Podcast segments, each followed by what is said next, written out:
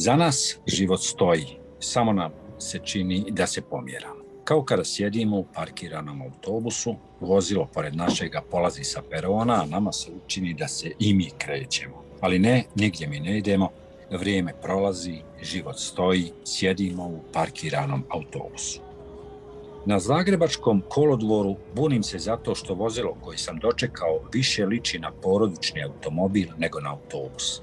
Tješi me zemljak, sezonski radnik, smiri se, vidjet ćeš kako je unutra lijepo, ima klimu kožna sjedišta. Godinama se vozim autobusima, izbjegao sam bezbroj nesreća, prespavao lijepe prizore, slušao svađe ogovaranja, udvaranje prijetnje, molbe, poljubce, šamare, šuškanja petinga i vrećica od kikirikija. Pročitao sam puno knjiga i novina, satima razgovarao sa ljudima koje više nikada nisam sreo. Čekao. Jednom sam ja vidio risa i jednom sam prisustvovao otvaranju svijeta. Sprijateljio sam se s nekoliko vozača, častili su me brojnih bombonama i kafom u plastičnim čašama. Kada su pitali putnike koji film žele da gledaju, akcioni ili ljubavni, glasao sam za akciju. Neki od njih vozili su bez prestanka 20 sati, mijenjali košulje na benzinskim pumpama i govorili, eto, sad sam ko nov.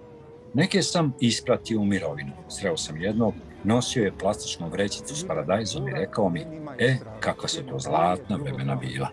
Ali nije ni sada loše. Vidi, sad i ja mogu da nosim papuče. Klap, klap, otklapao je kao stari man. Vješto pretekao dječja kolica i skrenuo iza tezge sa sirom popodnevnom vrućinom, izletnici u gore ili u vode ili u hlad drveća. Ne zaboravite na zaštitu od sunčanih zraka, ali i od peluda trava. Na moru sunca i ide na pretek. Imućani vele, najbolje su dinje na stipanje trećeg kolovoza. Tada se može očekivati i pokoji posjet dobronamjerne kiše, otud izreka, do stipanja s prahom, od stipanja s kalom. Ugodna vam večer s dinjama ili bez njih.